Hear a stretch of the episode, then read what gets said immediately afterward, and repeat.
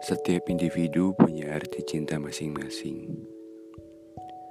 Yang berbeda hanya caranya, mau mengutarakannya atau menyimpannya. Bagi saya, memiliki seseorang yang saya cintai bukanlah hal yang sulit. Yang sulit adalah bagaimana menjaganya untuk tetap bahagia bersama saya. Saya pernah belajar dari seseorang yang dulunya lumayan berarti untuk saya. Katanya, Bahagia itu bisa datang dari mana aja. Kalau kita sayang sama orang, kita pasti selalu mau dia bahagia, walaupun bukan bersama kita. Dan saya percaya, karena yang saya rasakan saat itu memang hanya kebahagiaannya yang saya mau, meski bukan pada saya. Sulit memang, tapi percayalah, memiliki seseorang yang hatinya bukan untuk kita itu jauh lebih menyakitkan daripada mengikhlaskan orang yang kita cintai untuk orang lain yang bisa membuatnya bahagia. Beriringnya waktu, saya kembali merasakan hal yang sama kepada dia.